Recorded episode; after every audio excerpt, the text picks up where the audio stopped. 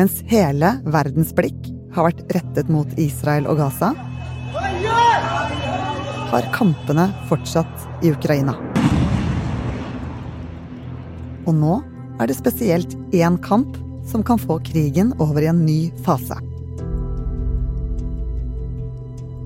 Og denne gangen er det Putins krigsmaskin som angriper.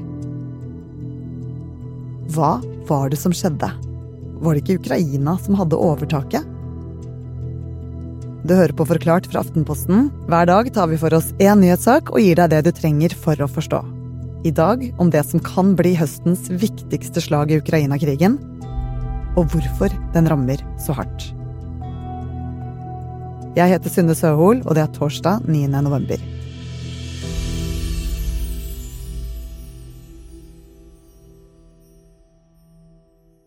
Ser man mot Avdivka, som er en by ved fronten i Ukraina, er det to ting som ruver i horisonten. Det første er høye skorsteiner til en fabrikk, og det andre en stor haug med avfall rett ved siden av. Og i denne avfallshaugen, der gjemmer russerne seg akkurat nå. Helene Skjeggestad. For det pågår heftige kamper rett foran den store fabrikken som ligger ved siden av. Og vi ser da i, i lommer på denne avfallshaugen og i gjengene rundt så ligger det døde soldater, mens ja, droner og raketter flyger over. Og kampen om denne fabrikken har nå blitt enormt viktig for både ukrainerne og russerne. Helene er journalist her i Aftenposten. Hun er tidligere Russland-korrespondent og har nettopp kommet tilbake fra Ukraina, hvor det har skjedd en viktig utvikling. For bare få dager etter at Hamas angrep Israel tidligere i høst, så slo Russland til. Og på dronevideoer fra området rundt denne fabrikken så ser man russiske soldater som ligger døde på slagmarken. For soldatene på russisk side så er slaget om denne byen Avdivka et eh, blodbad. Det gjelder særlig de som blir satt til å løpe i front. Opp mot 50 eh, ganger om dagen så sender Russland det de kaller Storm Z-tropper inn mot byen, og da egentlig òg rett i døden. Disse Storm Z-troppene det er soldater som, som, i stor grad er rekruttert fra russiske fengsler, og de har lite opptrening, de har dårlig utstyr, og ja, de er vel egentlig kjent for å drikke, desertere og dø.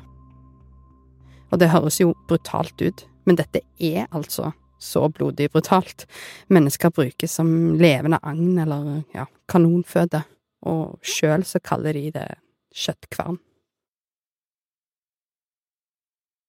Helene, hvorfor er denne kampen viktig?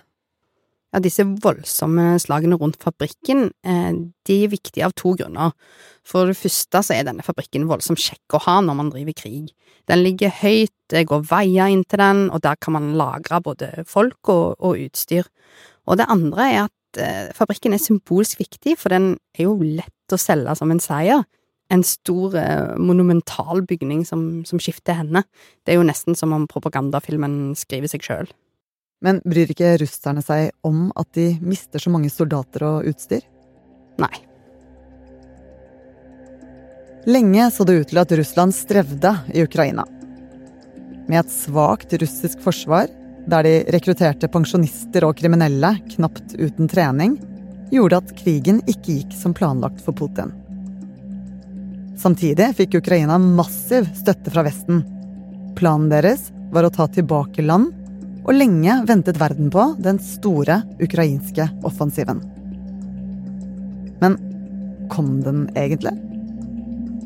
Tidligere i år så, så vi jo for oss en, en, vår og sommer der ukrainerne skulle storme fram med vestlig utstyr, og de skulle ta tilbake det landet som russerne hadde okkupert.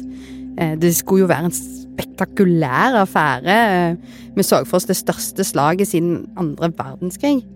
Men sånn gikk det jo ikke. Um, sikkert fordi forventningene var altfor høye, men òg fordi at russerne fikk tid til å forberede seg.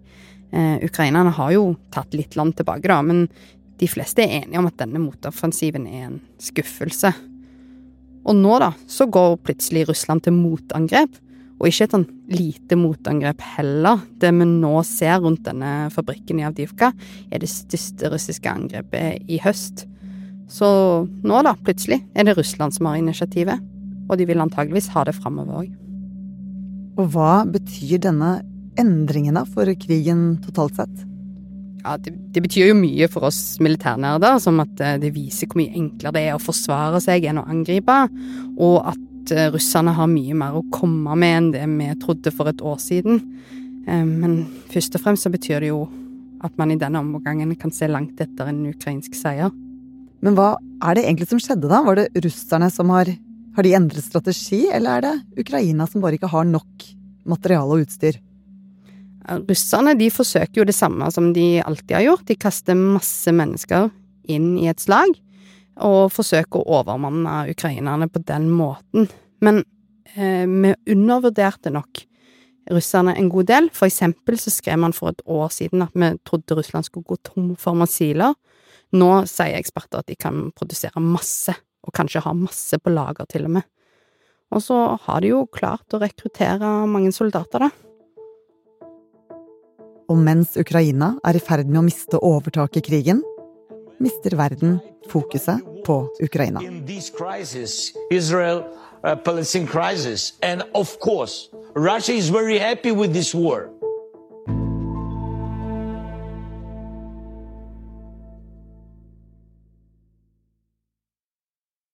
Da krigen på Gaza startet tidligere i høst, rystet det hele verden. I tillegg skapte det en annen form for bekymring. Og Helene, hvordan påvirker Gaza det som skjer i Ukraina? Da Hamas angrep Israel, og Israel svarte med å bombe Gaza, så reagerte Zelenskyj egentlig med en gang. Han gikk raskt ut og sa vær snill, ikke glem oss, ikke glem Ukraina. Det var ikke uten grunn at han sa det. Det gikk jo knapt tre dager fra Hamas angrep Israel til, til Putins soldater storma fram mot fabrikken. Og det er egentlig ikke det eneste skjæret i sjøen for Ukraina fremover. For neste år er det presidentvalg i USA. You know, you didn't see Russia going into Ukraine with me. They would have never done it. You didn't see China talking about Taiwan with me. North Korea, we got along. All of a sudden, Og om denne fyren vinner, er det ikke sikkert støtten til Ukraina blir like stor. Da Zelenskyj besøkte USA for ett år siden, ble jeg møtt med stående applaus flere ganger i den amerikanske kongressen. Så reiste han igjen i år, da, og da fikk han ikke engang tale til de amerikanske folkevalgte. Så stemningen er definitivt i ferd med å snu. Flere republikanere har sagt at de ikke er interessert i å bruke så mye penger på Ukraina. Og Trump han skal jo sørge for fred på null komma niks, ifølge seg sjøl.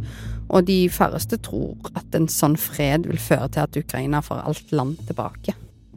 Men hva med frem mot valget i USA, da? Hvor trygg er støtten til Ukraina nå?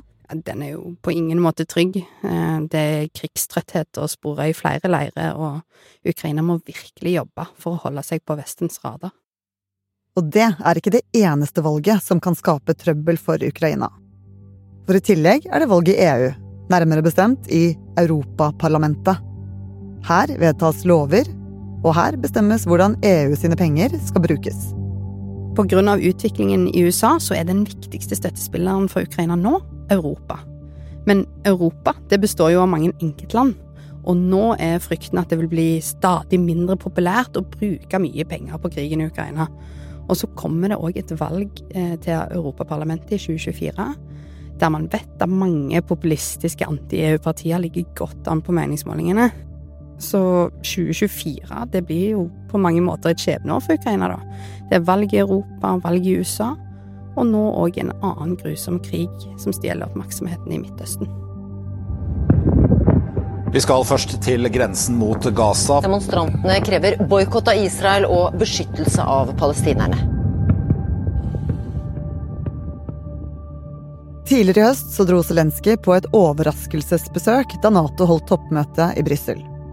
Reminding the world that Kiev is still at war with Russia. He asked Western leaders whether they could continue to support Ukraine despite the war in Israel, and he did not seem reassured by the answer. Og budskapet hans var tydelig. Det at verden skal glemme Ukraina, er akkurat det Russland vil. Og Russland de viser at de har ikke tenkt å gi seg.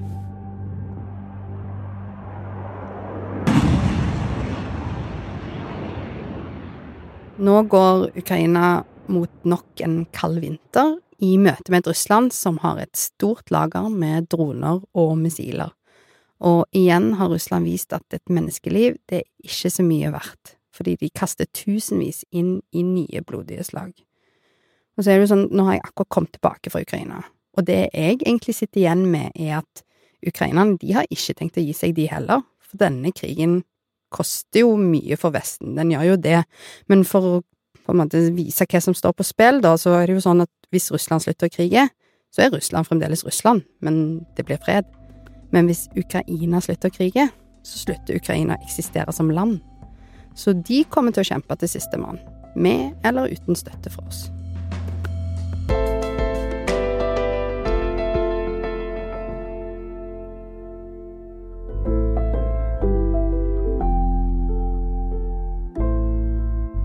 Du har hørt en podkast fra Aftenposten. Det var journalist i Aftenposten Helene Skjeggestad som forklarte deg Ukraina-krigens nye fase. Denne episoden er laget av Jenny Førland, Olav Eggesvik og meg, Synne Søhol. Og resten av Forklart er David Vekoni og Anders Weberg. Lyden du hørte, er fra NRK, TV 2, Sky News, Euronews, PBS og NBC via nyhetsbyrået AP.